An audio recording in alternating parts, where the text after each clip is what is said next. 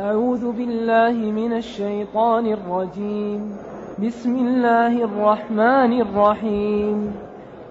يمحق الله الربا ويربي الصدقات. والله لا يحب كل كفار أثيم. إن الذين آمنوا وعملوا الصالحات وأقاموا الصلاة وآتوا الزكاة لهم أجرهم لهم أجرهم عند ربهم ولا خوف عليهم ولا هم يحزنون. يا أيها الذين آمنوا اتقوا الله وذروا ما بقي من الربا إن كنتم مؤمنين. فإن لم تفعلوا فأذنوا بحرب من الله ورسوله. فإن تبتم فلكم رؤوس أموالكم لا تظلمون ولا تظلمون.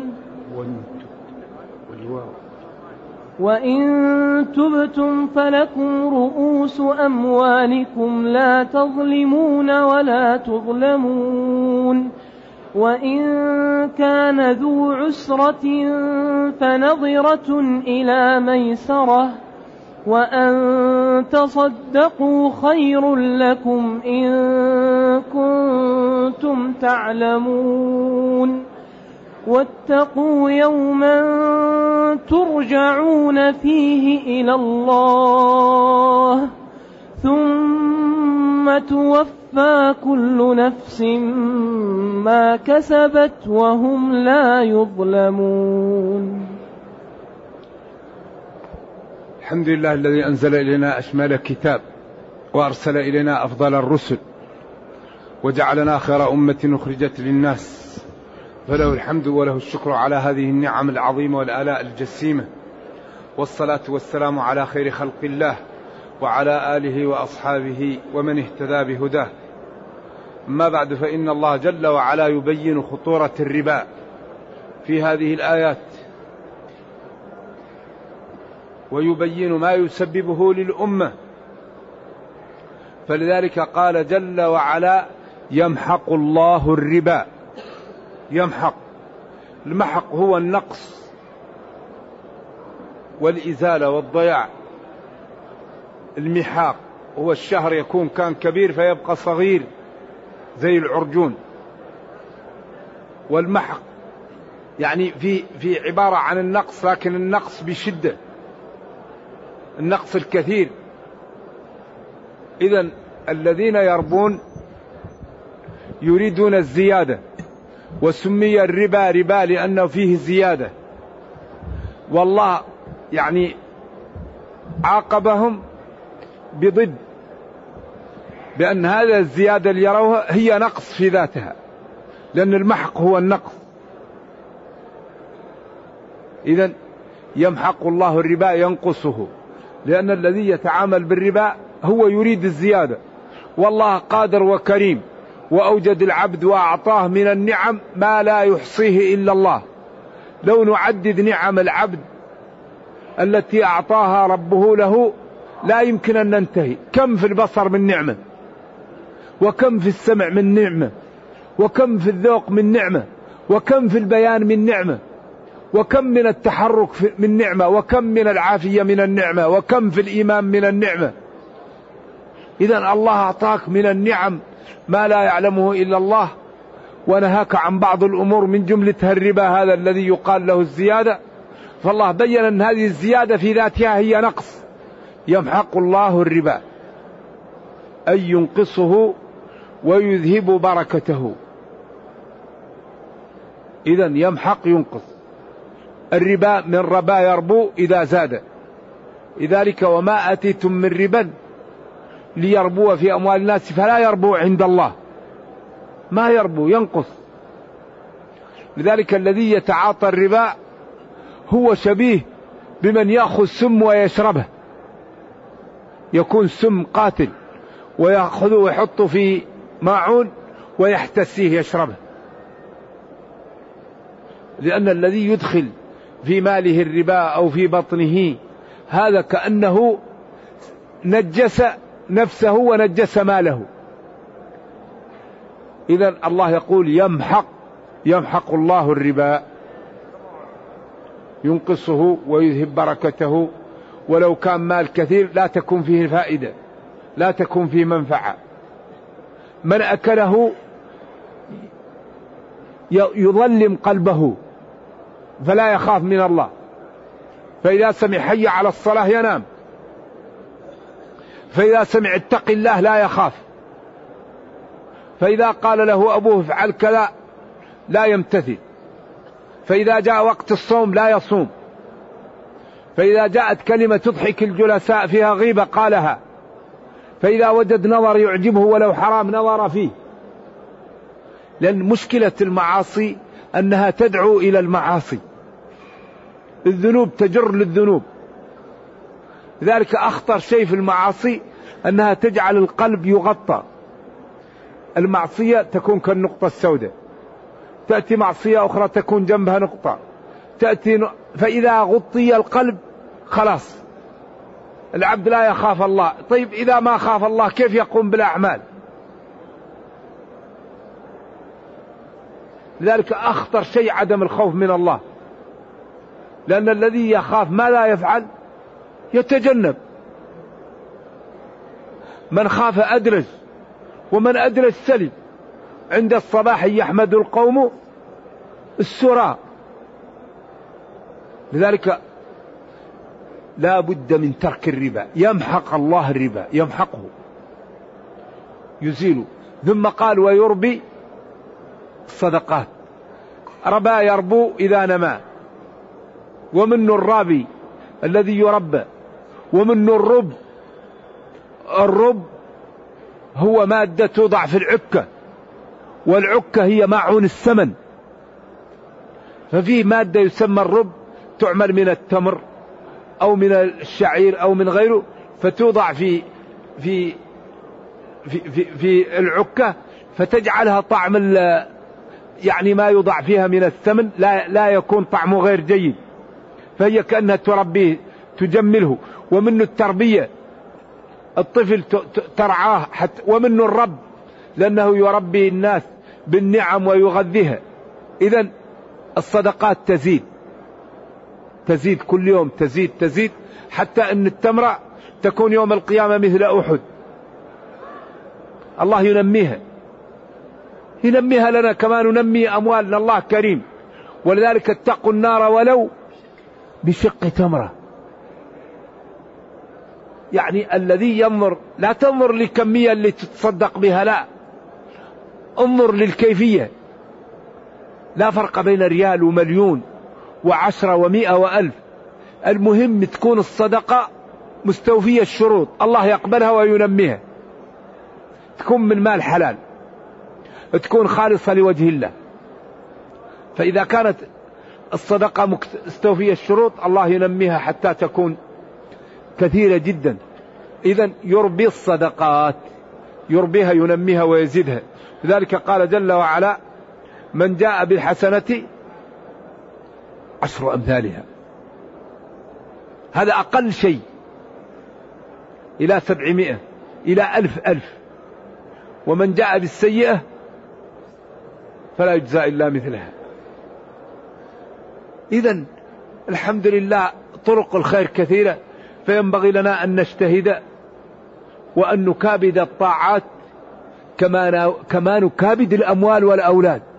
لأن أعز شيء عندنا أموالنا وأنفسنا أولادنا وأنفسنا. هذا أعز شيء في الدنيا. الله قال إن المال والولد لا يكون أحب عليك من, من رضا الله وما عند الله. وقال إنما أموالكم وأولادكم فتنة ابتلاء واختبار. والله عنده أجر عظيم. وقال إن من أزواجكم وأولادكم عدوا لكم فاحذروهم. بعدين احذروهم ولكن مع الحذر منهم لا تأذوهم وإن تعفوا وتصفحوا وتغفروا فإن الله غفور رحيم. ما أجمل هذا الدين وما أحسنه وما أنجعه لحل مشاكل أهل الأرض. حري بنا الحقيقة أن نكون في المقدمة ونحن عندنا هذا الكتاب الذي أخبرنا ربنا أنه تبيان لكل شيء. ونزلنا عليك الكتاب تبيانا لكل شيء. لا يوجد شيء إلا وهو مبين في هذا الكتاب. بأجمل أسلوب وبأحسن طريقة. إذا ويربي الصدقات. ينميها. الصدقات جمع صدقة. والصدقة سواء كانت واجبة أو كانت مندوبة. كل الصدقات الله ينميها. أما الربا فيمحقه. والله يقول ومن أصدق من الله قيلا. ومن أصدق من الله حديثا. ويقول إنما أمرنا إنما أمره إذا أراد شيئا أن يقول له كن فيكون. ويقول ما خلقكم ولا بعثكم إلا كنفس واحدة. هذا ربنا يخبرنا بهذا. فحري بنا أن نمتثل. حري بنا أن نتبع؟ حري بنا أن نعمل؟ إذا يربي الصدقات يزيدها وينميها. ولذلك آه، من الأمور التي بينها الله للطرق للخير. سبع الذين يظلهم الله. هذا كل باب من أبواب الخير. ما هم السبعة هذا من يعدلهما؟ شاب نشأ في طاعة الله لأن الشباب عنده نزوة وعنده شهوة وعنده قوة ونشاط. فهو إذا نشأ في طاعة الله هذا أمر عظيم. إذا هذا فتح باب للاستقامة من من الصغر. طيب الثاني؟ الإمام العادل لأن الإمام يكون عنده المال وعنده القوة وعنده السلطة وعنده الشهوة. فإذا عدل فهذا أمر صعب. إذا هذا يظلهم الله. الثالث ورجل دعته امرأة ذات منصب وجمال. فقال إني لأن هذا عجيب النساء ما هم مثل غيرهم. ولا ما فيه أحد ورع مع النساء. لا يخلون رجل بامرأة. ما قال إلا إذا كان تقيا. إلا كان الشيطان ثالثهما. إياكم والدخول على النساء. فالنساء فتنة. ولذلك هم أشد من الدجال. ما تركت فتنة أشد من النساء. ولذلك في الصحيح ما رأيت من ناقصات عقل ودين أذهب بلب الرجل الحازم من إحداكن. قال كيف نقص ديننا؟ قالت أليست شهادة المرأة نصف شهادة الرجل؟ قال نعم قال ذلك نقص عقلهن. قال طيب أين نقص دينهن؟ قالت ألم تترك الصلاة والصوم في بعض الزمن؟ قال نعم قال ذلك نقص دينهن. والله لا يسأل عما يفعل. ولذلك قال ولا تتمنوا ما فضل الله به بعضكم على بعض. للرجال نصيب مما اكتسبوا وللنساء نصيب مما اكتسبن. واسألوا الله من فضله. خلاص. كل الذي يريد شيء يسأله الله الله يعطيه.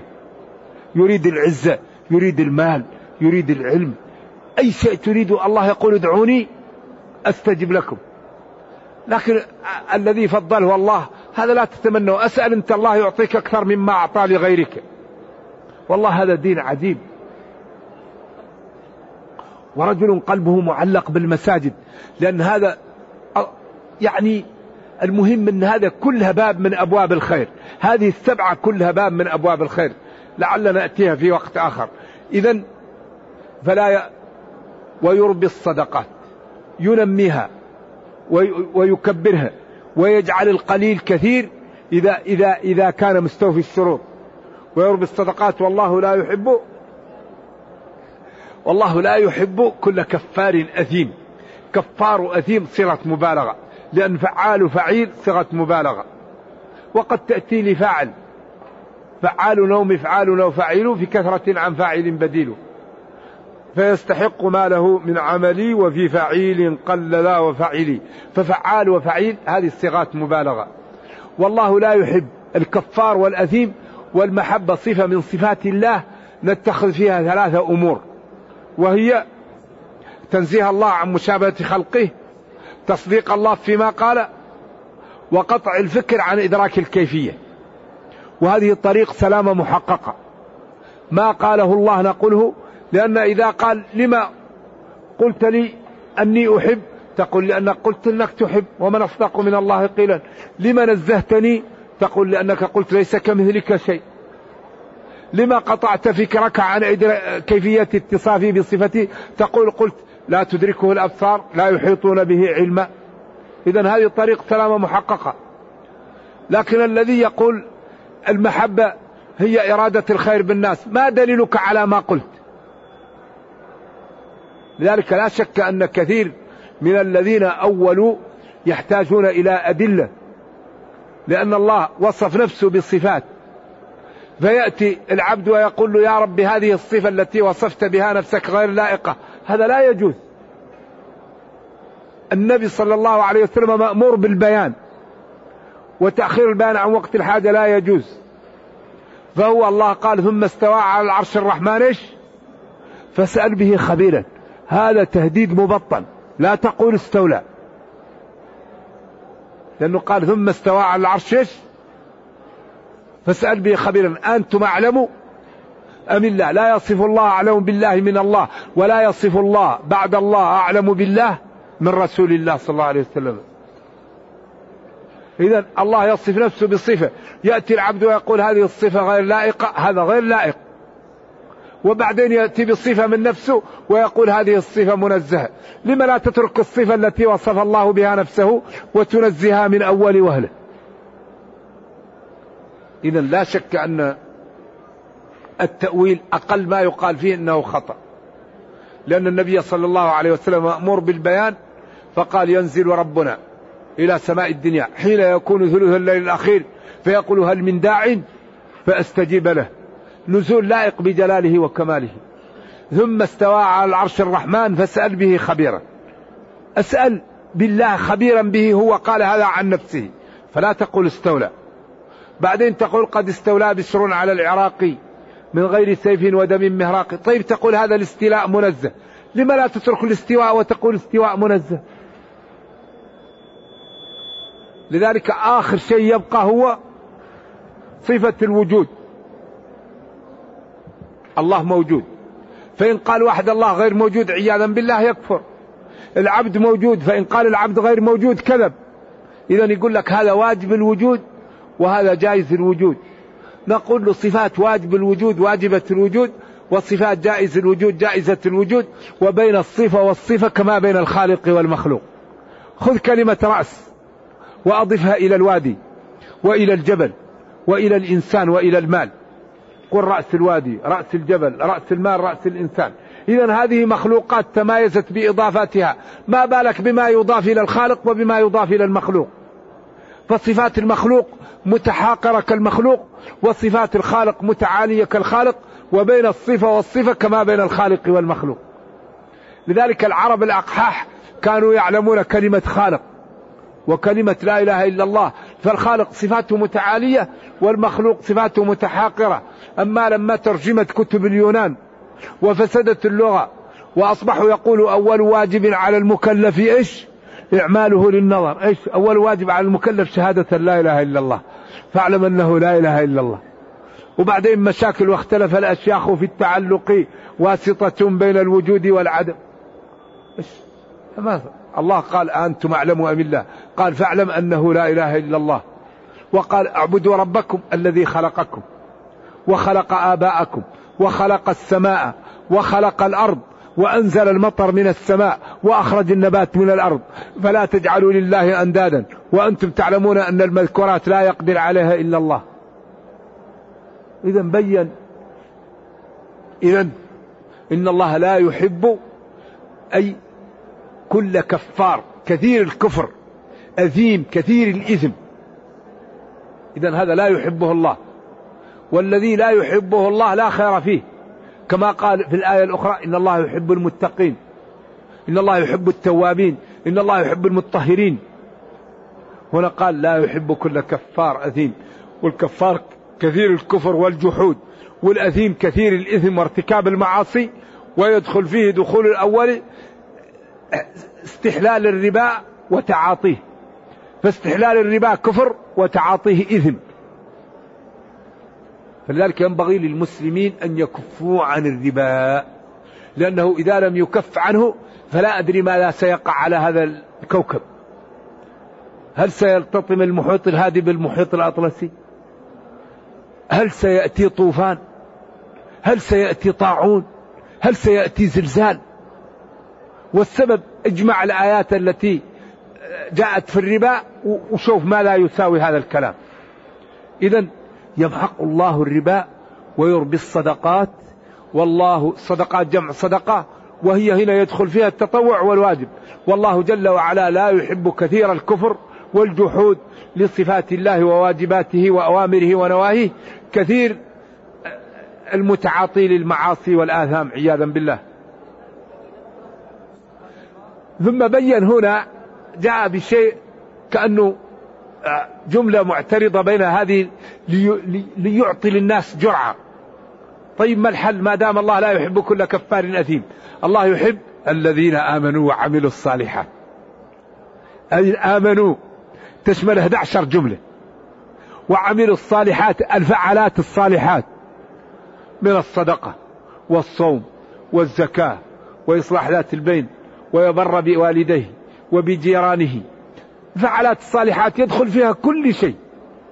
صالحات جمع صالحة لا الفعلات جمع فعلة صالحة. إن الذين آمنوا آمنوا اسمع أركان الإسلام الستة وأركان الإيمان الخمسة. وعملوا مارسوا فعلوا الفعالات الصالحات. من الص... من كل شيء. كل فعل صالح. ومن أهم الفعل الصالح أن الإنسان يحسن خلقه مع المسلمين. ما يوجد شيء أكثر للإنسان من الحسنات من حسن الخلق. ينال به الرجل درجة الصديق. وحسن الخلق منحصر في ثلاثة جمل بذل المعروف وكف الأذى وطلاقة الوجه. هذا هو حسن الخلق. تبذل المعروف للمسلمين. وتكف أذاك عنهم وتلقاهم بوجه طلق. لا يوجد شيء ينال به الرجل درجة الصديقين. من حسن الخلق إن الإنسان لا يقول إلا خير لا يتكلم بشر. من حسن الخلق إن الإنسان لا يرفع صوته على الناس. من حسن الخلق أن الإنسان إذا أراد أن يقرأ وجنبه ناس لا يروح يرفع عليهم صوته ياذيهم من حسن الخلق أن الإنسان إذا جلس ما يروح يجلس ما يجد الصف مليان فيروح ويأذي الناس ويضيع لهم صلاتهم. يكون في تضايق يروح ويدخل بين اثنين والحياء يجعلهم يسكتون وهو يعذبهم. يكون محل ضيق يروح يدخل بين اثنين ويأذيهم. من حسن الخلق أن الإنسان لا يذي الناس. من حسن الخلق أن الإنسان لا يلاقي إخوانه بما يكرهون. ولذلك نبينا صلى الله عليه وسلم لا يباشر أحدا بأنت فيك ما بال أقوام؟ قالوا كذا وكذا.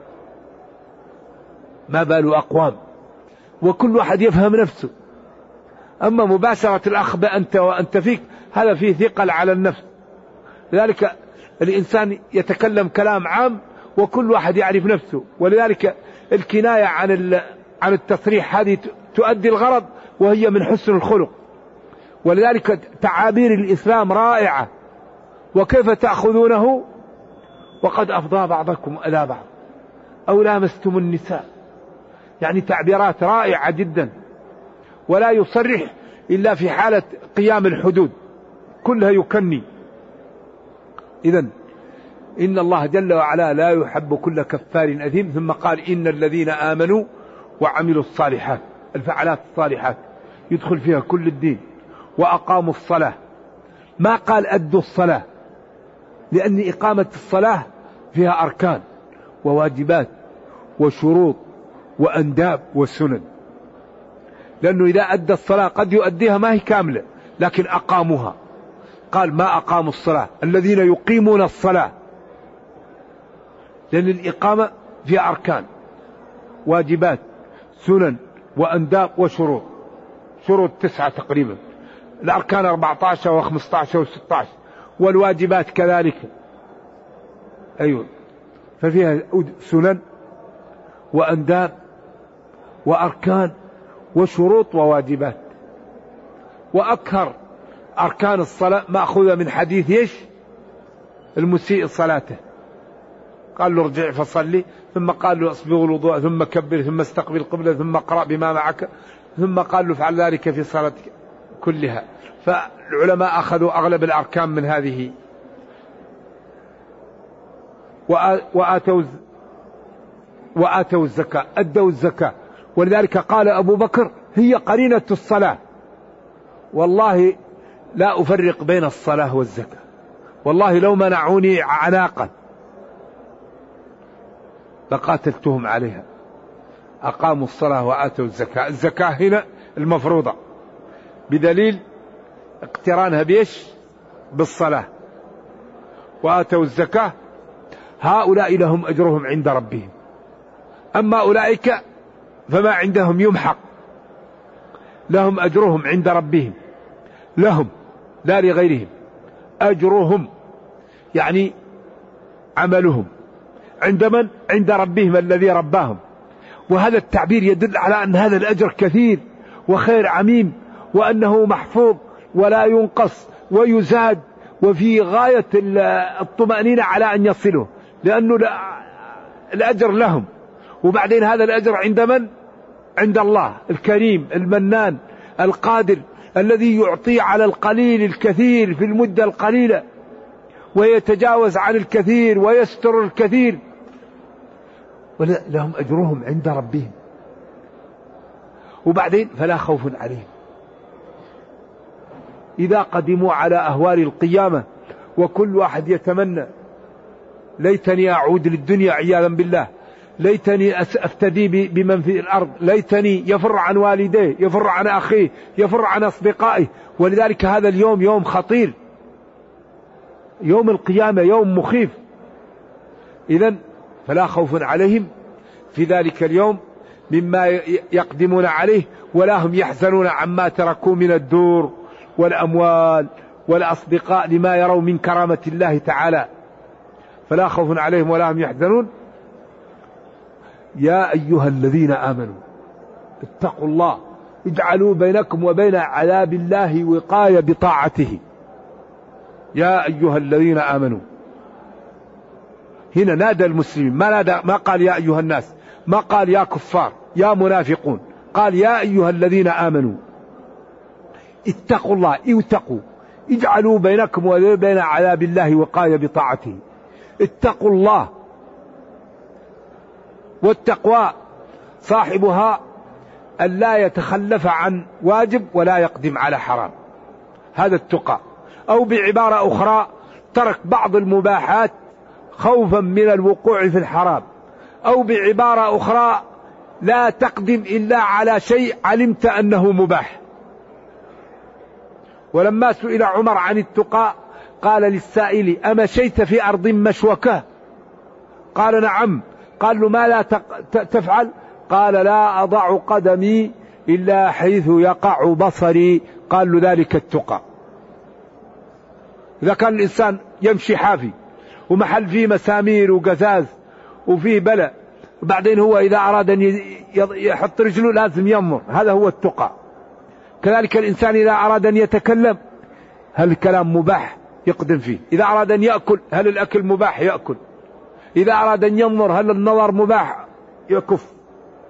يتأمل قبل أن يقدم على الأمور. هذا هو التقى. لذلك التقى أن تجعل بينك وبين عذاب الله وقاية من طاعته. ولذلك التقى أيضا قال الحلال بين والحرام وبينهما أمور. هذه التقى ترك المشتبهات. كل ما كان شيء مشتبه يتركه هذا التقى. ولذلك المتقي لا يقاوم. ما لو أهل الدنيا يحاولوا أن ينالوا من متقي لا يستطيعون. لأن الذي يتقي ربه ينصره ومن نصره الله لا يمكن أن يغلب.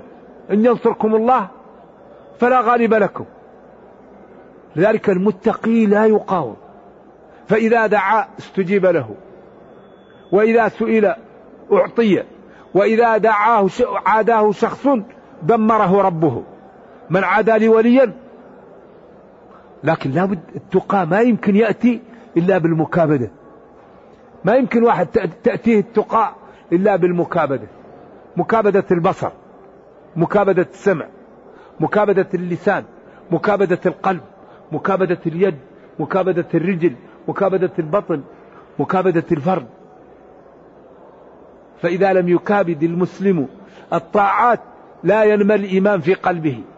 فإذا كابد المسلم الطاعات ومارسها ينمو الإيمان في قلبه فعند ذلك يصبح من المتقين فكل ما أراده من ربه يعطيه إياه. وكل ما أراد شخص أن ينال منه حماه ربه. ولك ولذلك لا يمكن يأتي التقاء إلا بإيش؟ إلا بالمجاهدة. والذين جاهدوا فينا نهدينهم سبلنا. إذا يا أيها الذين آمنوا اتقوا الله. جعلوا بينكم وبين عذاب الله وقاية. ولذلك لا يحرم شيء إلا أعطي لك شيء في بداله. دين يسر. حرم عليك الربا أحل لك البيع. حرم عليك الزنا أباح لك النكاح. كل ما حرم عليك الخمر أباح لك اللبن والعسل. والعصير. حرم عليك الخنزير أباح لك السمك. لحما طريا. حرم عليك الميتة أباح لك المذكاة ما يحرم شيء إلا أباح لك بدل شيء. ومع هذا إذا اضطررت أبواب الأمام مفتحة. ديننا دين يسر. إذا اضطررت الباب مفتوح. وقد فصل لكم ما حرم عليكم. إلا ما اضطررتم دين عملاق ويسر. الكذب حرام إذا اضطررت كذب الميتة حرام إذا اضطررت كل. يعني دين دين عجيب هذا الإسلام. دين السماحة دين النزاهة دين العدالة دين الرفق دين الألفة دين المحبة دين الإيثار. إذا حري بنا أن نظهر للناس جمال الدين في حياتنا. إذا وذروا ما بقي من الربا إن كنتم مؤمنين. ذروا اتركوا. ولذلك فاءها محذوفة حتى أصلها وذارة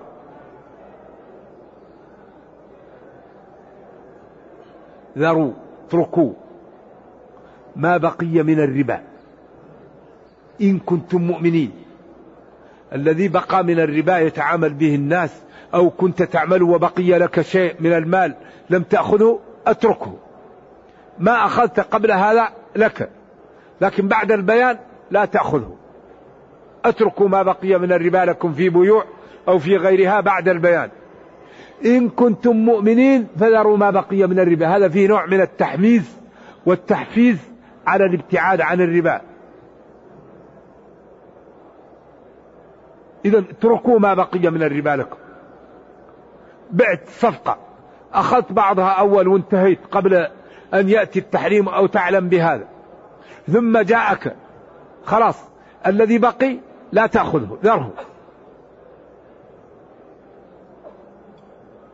فإن لم تفعلوا ذلك ولم تتركوا الربا فأذنوا أو فاذنوا. بحرب من الله. لا حول ولا قوة إلا بالله. حرب من من؟ من الله. الله لما جاء لوط لقوم لوط وحذرهم من الفاحش وجاءت الملائكة وقال لهم الكلام المحزن ولم يسمعوا. جبريل وضع يده على أوجوههم فلم يبقى في الوجه العين ولا فم ولا أنف ولا شيء. بقى الوجه مثل الكف فطمسناه بقى الوجه مثل الكف بقى كتلة وضع جناحه تحت القرى ورفعها وقلبها بهم. والمؤتفكة إذا الذي يحاربه الله ما لا يكون مهزوم وفي هلكة إذا اتركوا ما بقي من الربا إن كنتم مؤمنين. فبادروا بترك ذلك. فإن لم تفعلوا ذلك فاعلموا فآذنوا فاعلموا وأيقنوا أن الله تعالى محاربكم بحرب من الله ورسوله. والذي يحاربه الله ورسوله لا شك مغلوب لأن الرسل إذا أمرت بالقتال لا بد أن تكون العاقبة لها. وإن جندنا لهم الغالبون. ولذلك المقتول ليس غالب لأنه قال فيقتل أو يغلب فجعل القتل قسيم للغلبة والله قال وإن جندنا لهم الغالبون لذلك الرسل لا تقتل في المعارك إذا أمرت الرسل بالقتال لا بد أن تنتصر في النهاية لكن قد تقتل الرسل غيلة كما قتل زكريا ويحيى غيلة من؟ من اليهود. أما إذا أمرت الرسل بالقتال فلا بد أن تنتصر. نعم. هذا هو التحقيق وإن قال جلة من العلماء بخلاف ذلك فهذا هو التحقيق أن الرسل إذا أمرت بالقتال لا بد أن تنتصر. لأن الله وعد بالنصر وقال وإن جندنا لهم الغالبون وجعل المقتول غير غالب. فأذنوا بحرب من الله ورسوله. إذا فإن لم تتركوا الربا فاعلموا أنكم مع حرب مع الله ومع رسوله صلى الله عليه وسلم.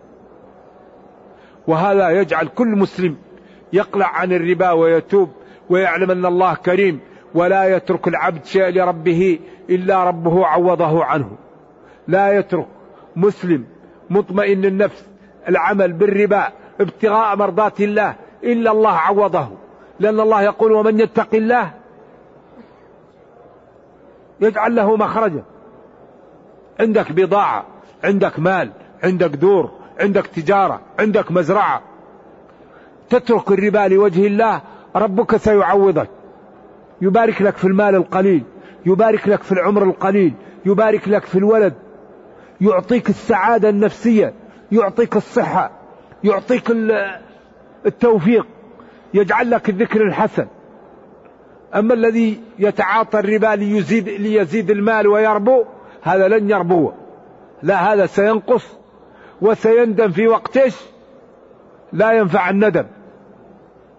نحن الآن لو نذهب إلى البقيع ونرى إخواننا الذين كفت أيديهم عن العمل وشاهدوا الحقيقة الواحد والله يعتبر هؤلاء كفت أيديهم عن العمل وشاهدوا الحقيقة. أهل القبور الآن أحدهم يتمنى يعود ليقول لا إله إلا الله. يتمنى يعود ليقول رب اغفر لي خطيئتي يوم الدين. يتمنى يعود ليصلي ركعتين. لأن كل واحد مفتوحة له نافذة لعمله. القبر إما حفرة من حفر النار أو, أو, أو روضة من رياض الجنة. وهو شاهد الحقيقة ولا يستطيع أن يعمل. أما نحن الآن فالحمد لله يمكن الواحد يصلي ما شاء ويذكر الله ما شاء ويستغفر ما شاء ويتصدق بما شاء. فهذه الفسحة فرصة لا تضيع علينا. إذا فأذنوا بحرب من الله ورسوله. وإن تبتم ورجعتم عن التعامل بالربا وعن المعاصي فلكم رؤوس أموالكم. من يتوب من الربا يأخذ رأس ماله والثاني يأخذ ماله. لا تظلمون ولا تظلمون. لا تظلمون غيركم بتطالبوا بأكثر من رأس المال ولا تظلمون في أن ينقص عنكم رأس المال. كل واحد يأخذ. إذا أي إنسان تعامل بالربا هو يأتي للرجل يقول له هذا مالك ورد لي مالي. وثقوا تماما أن الربا خطر على الكرة الأرضية. يعني خطر على, على, على هذا الكوكب عجيب. نرجو الله تعالى أن يكفينا شره.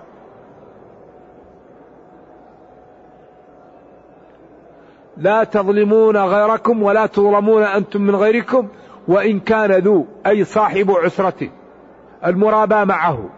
أخذ المال ولم يبقى عنده رأس مالك فنظرة إلى ميسرة أو ميسرة. إلى أن يسر قيل هذا خاص بالربا وقيل لا. في كل الديون. كل الديون إذا كان الإنسان مال أحاطت به الديون ولا شيء عنده هذا لازم ينتظر. فنظرة إلى ميسر. ولذلك الحر لا يملك ولا يباع. كان أول يعني يؤخذ في في في دينه. لكن لا الآن إذا أثبت المسلم أنه معسر خلاص ينظر حتى إيش؟ حتى يأتي. وأن تصدقوا وتترك له المعسر هذا خير لك والله عوضك. ولذلك ما يكون الإنسان عنده تجارة ويترك المعسرين وينظرهم وينزل عنهم إلا الله تعالى بارك له في ماله وغفر له وساعده الله. لأن الذي يرحم خلق الله الله يرحمه. والراحمون يرحمهم الرحمن. ومن نفس عن مسلم كربة من كرب الدنيا نعم. وإن تبتم فلكم رؤوس أموالكم. لا تظلمون غيركم ولا تظلمون أنتم من غيركم. وإن كان صاحب الدين ذو عسرة فتنتظر به إلى أن ييسر الله له. وأن تصدقوا بأن تتركوا له من, المال أو بعضه أو كله خير لكم عند الله وخير لكم في الدنيا. لأن الله يجازيكم فيها الجزاء الأوفاء وفي الدنيا تنالون الذكر الحسن وتنالون الاحترام من الناس لأن الذي يكرم الناس تحبه وتذكره بالخير وهذا خير. ثم قال جل وعلا واتقوا يوما ترجعون فيه إلى الله ثم توفى كل نفس ما كسبت وهم لا يظلمون. هذه آخر آية نزلت من كتاب الله. آخر آية نزلت من السماء هذه الآية. واتقوا يوما ترجعون فيه إلى الله ثم توفى كل نفس ما كسبت وهم لا يظلمون. قيل عاش بعدها ساعات. وقيل ثلاث ليال. وقيل ثمان ليال. وقيل عاش بعدها إحدى وعشرين ليلة. وكأن المرجح أن هذه آخر آية نزلت. وإن كان ورد أن آيات أخرى نزلت. وهذا الكلام على إيجازه فيه جرعة من الوعظ والتخويف والتأمل والانتباه لمن وفقه الله بما لا وراء وراءه. تقوا يعني توقوا يوما عظيما يوما يجعل الولدان شيبا يوم لا تسمع فيه إلا همسا يوم تذهل كل مرضعة عما أرضعت يوم يفر المرء من أخيه وأمه وأبيه. يوم ترى الرسل كلها يقول لست هناكم اذهبوا لفلان اذهبوا لفلان اذهبوا لفلان. يوم يلجم الإنسان العرق يوم تجد الناس كل واحد في وضع لا يعلمه إلا الله. اذا اتقوا هذا اليوم يوم القيامة الذي مقداره خمسين ألف سنة. الذي إذا رأيت أباك وأخاك وولدك هربت عنهم خوفا من أن يكونوا يطالبونك بمظلمة. ولما قالت عائشة واسوأتاه قال لها الأمر أعلى وأفخم. الناس كلها عراة. قالت كيف السواء قال لها الأمر أعلى وأفخم. لا تسمع إلا همسا. سلم سلم. كل واحد مذهل لهذا اليوم. إذا اتقوا يوما. ترجعون تعودون فيه من بعد الموت إلى البعث إلى الله. هذا اليوم ينبغي أن نتقيه. بماذا؟ بالصلاة بالصوم بالصدقة بالاستغفار بالإخلاص بكثرة الذكر بكثرة التوبة نبر بوالدينا نكرم جيراننا نساعد ضعفة المسلمين نساعد الأيتام نكف ألسنتنا وأبصارنا وأسماعنا. موارد العلم لا نستعملها إلا في طاعة الله. إذا هذا اليوم نتقيه بأعمال الخير قبل أن يأتي. نتقيه بترك المعاصي. لأن الذي يجلب الحسنات هو العمل. والذي يسلم لك حسناتك عدم فعل المعاصي. إذا كان الإنسان يعمل الحسنات ولا يعمل المعاصي يكون رصيد وش؟ كبير جدا. لو تأخذ أكبر ماعون وتضعه تحت الحنفية وتنقط الحنفية في الليل في الصباح يصبح الماعون إيش؟ ممتلي لو تأخذ ماعون وتثقبه تخرقه وتفتح الحنفية ما يمتلي لأنه يسيل لذلك أكثر ما يضيع الحسنات هي المعاصي وبالأخص اللسان. موارد العلم هي أكثر ما تضيع الحسنات. أعني بها السمع والبصر والفؤاد اللسان. وجعل لكم السمع والأبصار والأفئدة لعلكم تشكرون. هذه موارد العلم أعطيت لشكر الله. ما هو لتنظر للحرام؟ ما هو لتسمع الحرام؟ ما هو لتفكر في الحرام؟ إذا واتقوا يوما عظيما. مقداره خمسين ألف سنة. فيه يقع الهول وفيه في الناس يقع لها ما لا يعلمه إلا الله. وتبقى الناس في الموقف. ومن أكبر أن أن النبي صلى الله عليه وسلم يسجد ويلهم من المحامد ما لا يعلمه إلا الله فيشفع للناس ليقضى بينها. لما لشدة الموقف وشدة الهول. إذا هذا اليوم ينبغي يتقى يتقى بكف اللسان كف البصر كف السمع كف القلب الرجل اليد البطن. فإذا اتقينا المعاصي أصبح كل أعمالنا مكتوبة لنا. فيأتي الإنسان رصيد كبير جدا. إذا ترجعون فيه إلى الله ثم توفى كل نفس ما كسبت. كل نفس من الأنفس ما عملت يعطى لها. وهم أي أصحاب المحشر لا يظلمون لا ينقصون من حقوقهم. ولذلك يقول الكافر يا ويلتنا ما لهذا الكتاب لا يغادر صغيرة ولا كبيرة إلا أحصاها. ووجدوا ما عملوا حاضرا ولا يظلم ربك أحدا. إذا لا عذر لنا بعد هذا البيان. لا عذر لنا بعد بيان كتاب ربنا. فينبغي لنا أن نأخذ من أنفسنا لأنفسنا قبل أن يفوت الأوان. ولذلك الله يقول أولم يكفهم أنا أنزلنا عليك الكتاب يتلى عليهم؟ أبعد الكتاب يحتاجون إلى شيء؟ وقال وأوحي إلي هذا القرآن لأنذركم به ومن بلغ. كتاب لا يأتيه الباطل من بين يديه ولا من خلفه تنزيل من حكيم حميد. فحري بنا أن نتأمله وأن نتدبره وأن نعطيه الوقت ونحفظه ونجتنب نواهيه ونمتثل أوامره وعند ذلك ربنا يصلح لنا دنيانا وأخرانا. وأي شيء أعظم من أن تصلح للعبد دنياه وأخراه.